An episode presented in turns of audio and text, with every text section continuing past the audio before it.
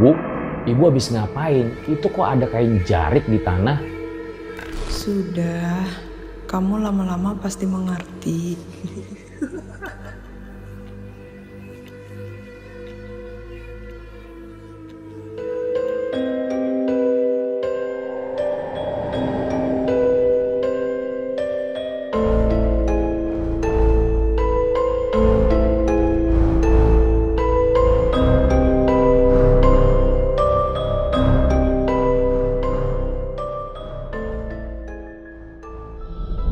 Kembali lagi bersama gue Fajar Aditya, kali ini di Omamat Season 2.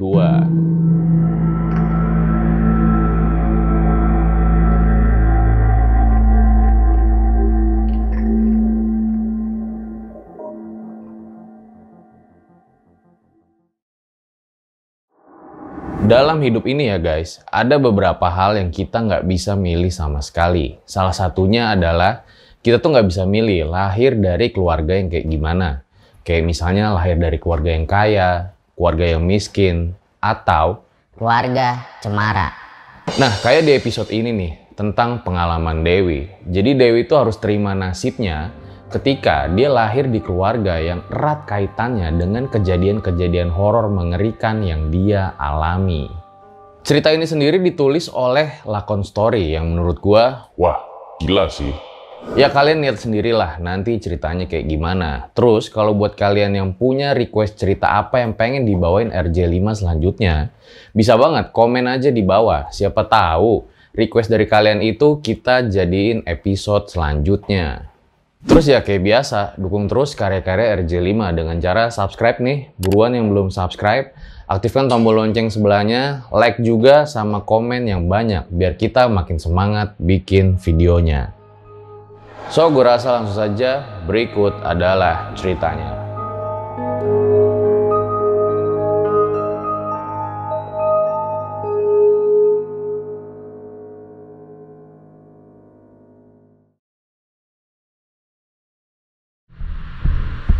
Dia adalah jin perewangan yang biasa dimiliki oleh mereka, si penganut ilmu hitam. Andai saja jika waktu itu setan tersebut tidak pergi dari hidupku, mungkin hingga detik ini aku masih belum menikah dan mempunyai pasangan seperti halnya hari ini.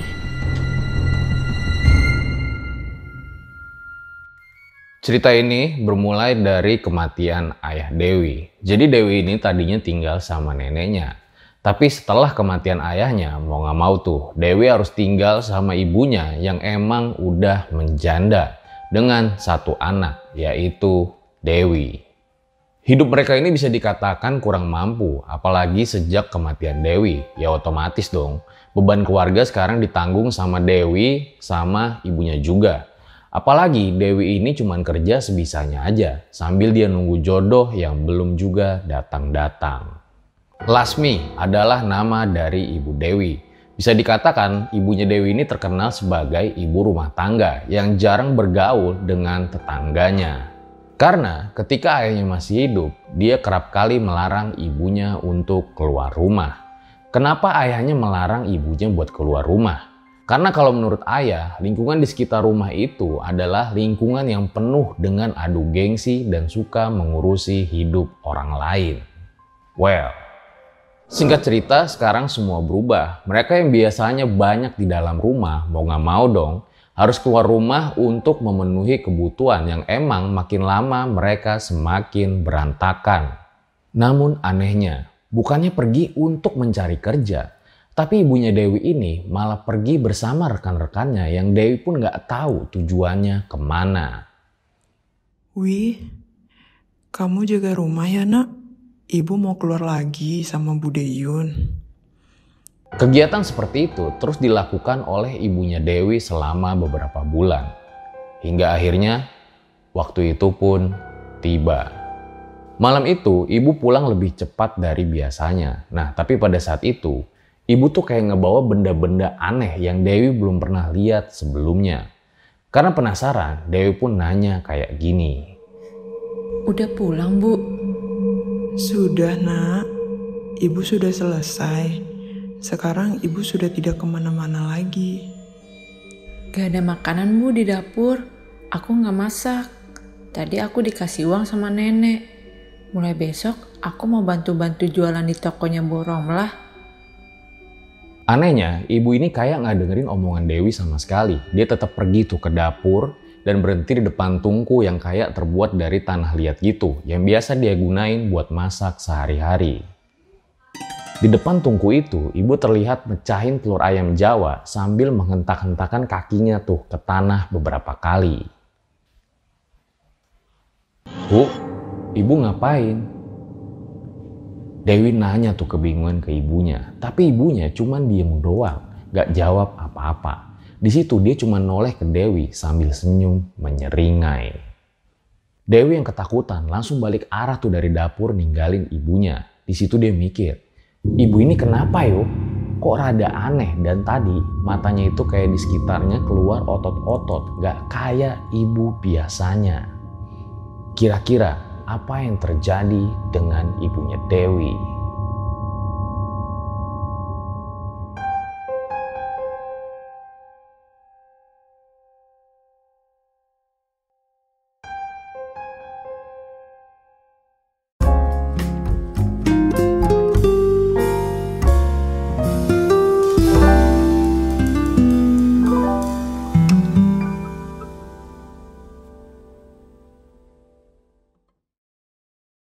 Dewi pun akhirnya masuk ke kamar. Di situ dia bertanya-tanya tuh dalam hatinya sendiri.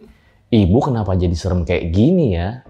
Hingga akhirnya gak lama dia pun tertidur dalam kebingungannya.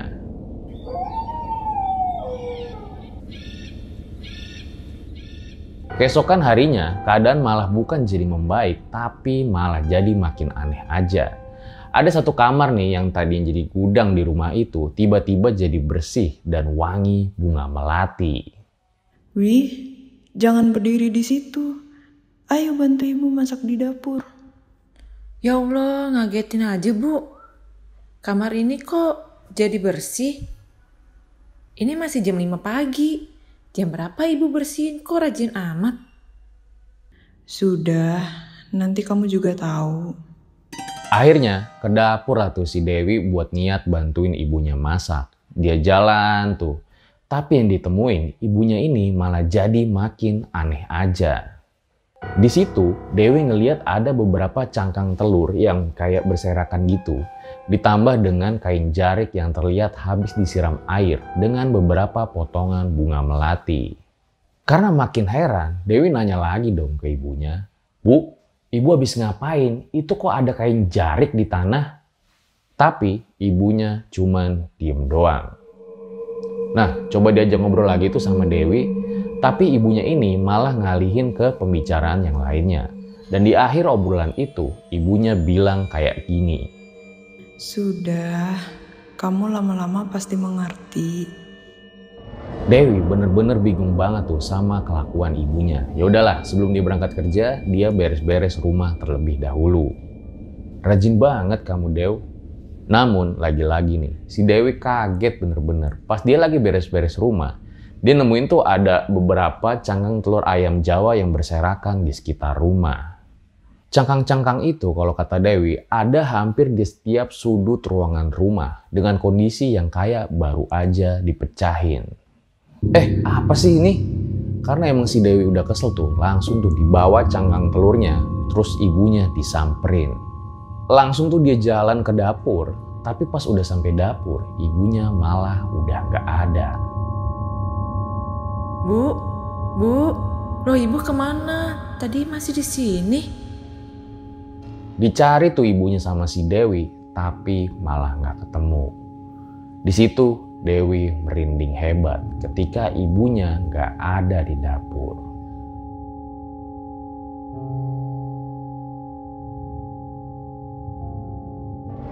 Pas dia lagi nyari di ruangan lain, tiba-tiba aja ada suara kayak gebyur-gebyur tuh di kamar mandi, yang mana ruangannya masih di dapur juga. Loh, ibu lagi mandi? Tadi kok dipanggil diem aja sih bu? Langsung lah tuh disamperin ke depan pintu kamar mandi sambil si Dewi teriak-teriak. Bu, ibu. Tapi anehnya ibunya ini nggak nyaut apa-apa dari dalam kamar mandi. Cuman ada suara gebyur-gebyur doang dari dalam kamar mandi. Nah, pas si Dewi masih gedor-gedor pintu kamar mandi, dia nggak sengaja ngeliat. Ada sosok cewek lagi berdiri di pojok sudut dapur. Kaget lah di situ si Dewi karena emang sosok itu dia ngerasa bukan ibunya karena memang lebih besar dan tinggi. Cewek itu berdiri sambil gerak-gerakin kepalanya.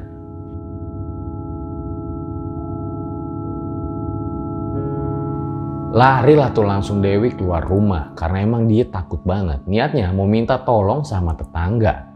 Tapi apa kalian tahu? Ya, pas dia di halaman rumah, si Dewi ini bener-bener terkejut banget. Di situ dia ngeliat ibunya itu kayak lagi naburin sesuatu di halaman rumah. Ibu, Apa, Wi? ibu ngapain di sini? Ada apa emangnya? Ternyata di situ ibunya Dewi ini lagi naburin garam tuh di halaman rumahnya. Nah terus tadi siapa yang lagi mandi dan juga siapa sosok cewek yang ada di pojok dapur.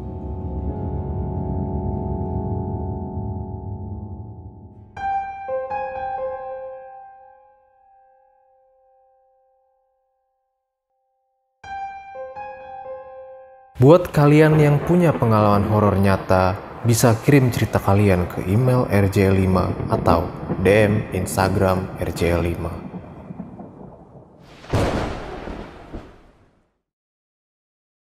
Pagi itu, setelah banyaknya rentetan kejadian aneh tuh yang dialami sama Dewi, dia tetap berangkat kerja ke toko Romlah.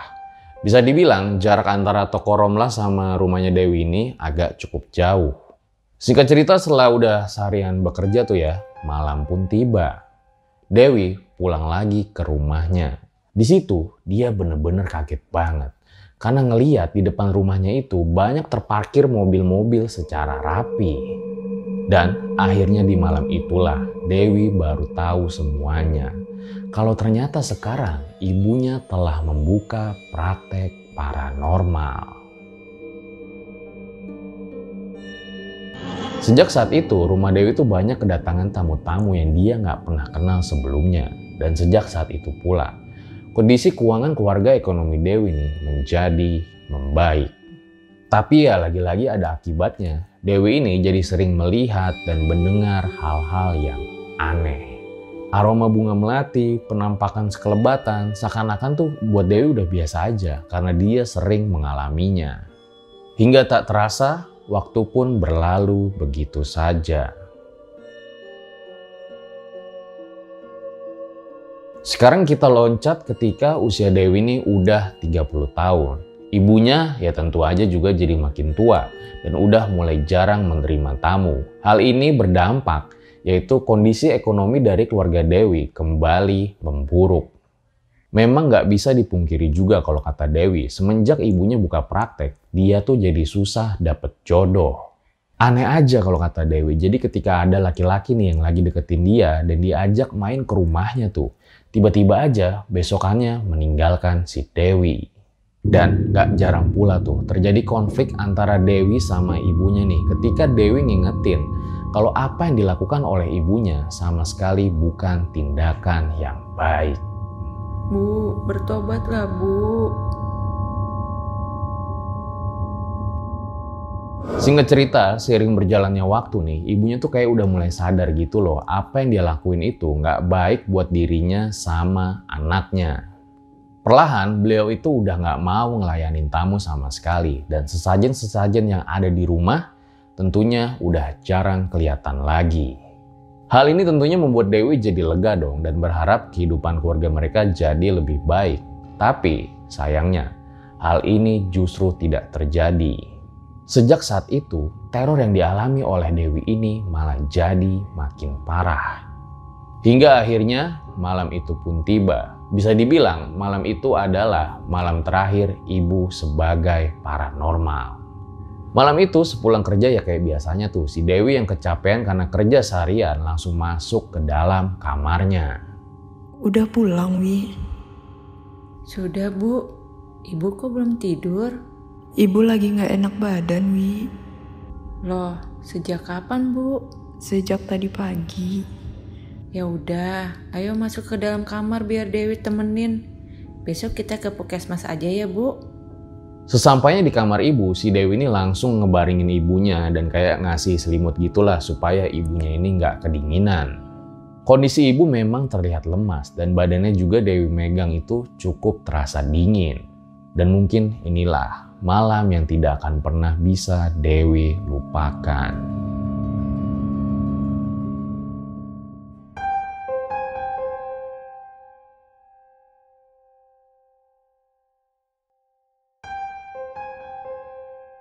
Malam itu, setelah membaringkan ibunya Dewi di ranjang nih, si Dewi itu duduk di kursi yang tepat ada di samping ranjangnya ibu.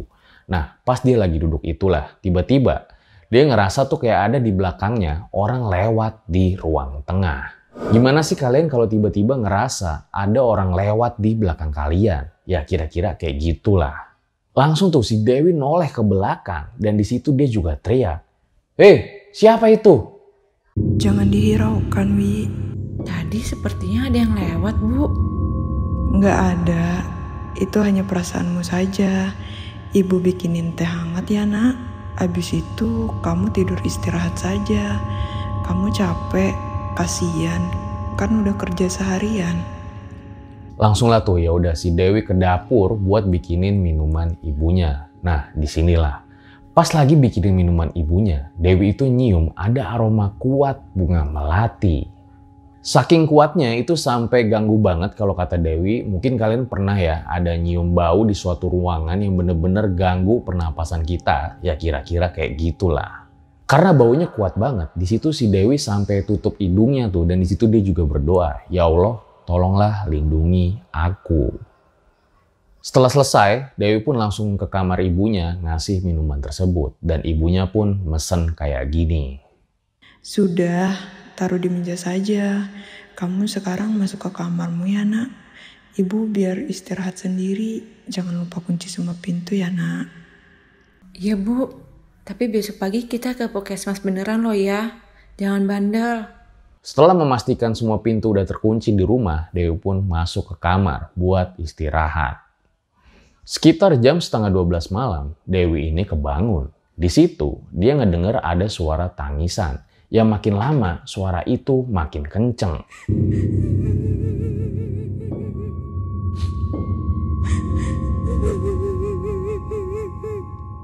Siapa coba nih malam-malam nangis kayak gini?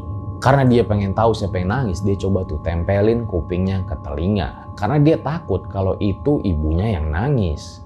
Ya karena emang kan ibunya lagi sakit. Ya udah, langsung lah tuh dia menuju ke kamar ibunya. Bu, ibu kenapa? Jalan tuh dia menuju kamar ibunya dan pas dibuka pintunya, apa kalian tahu?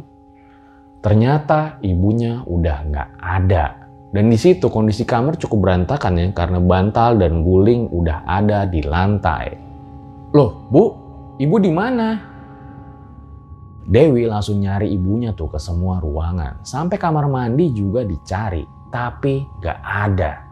Tiba-tiba suara tangisan itu kembali muncul. Kali ini suara tangisannya itu ada dari arah belakang rumah. Yang mana belakang rumah Dewi itu cuman kebun kosong doang.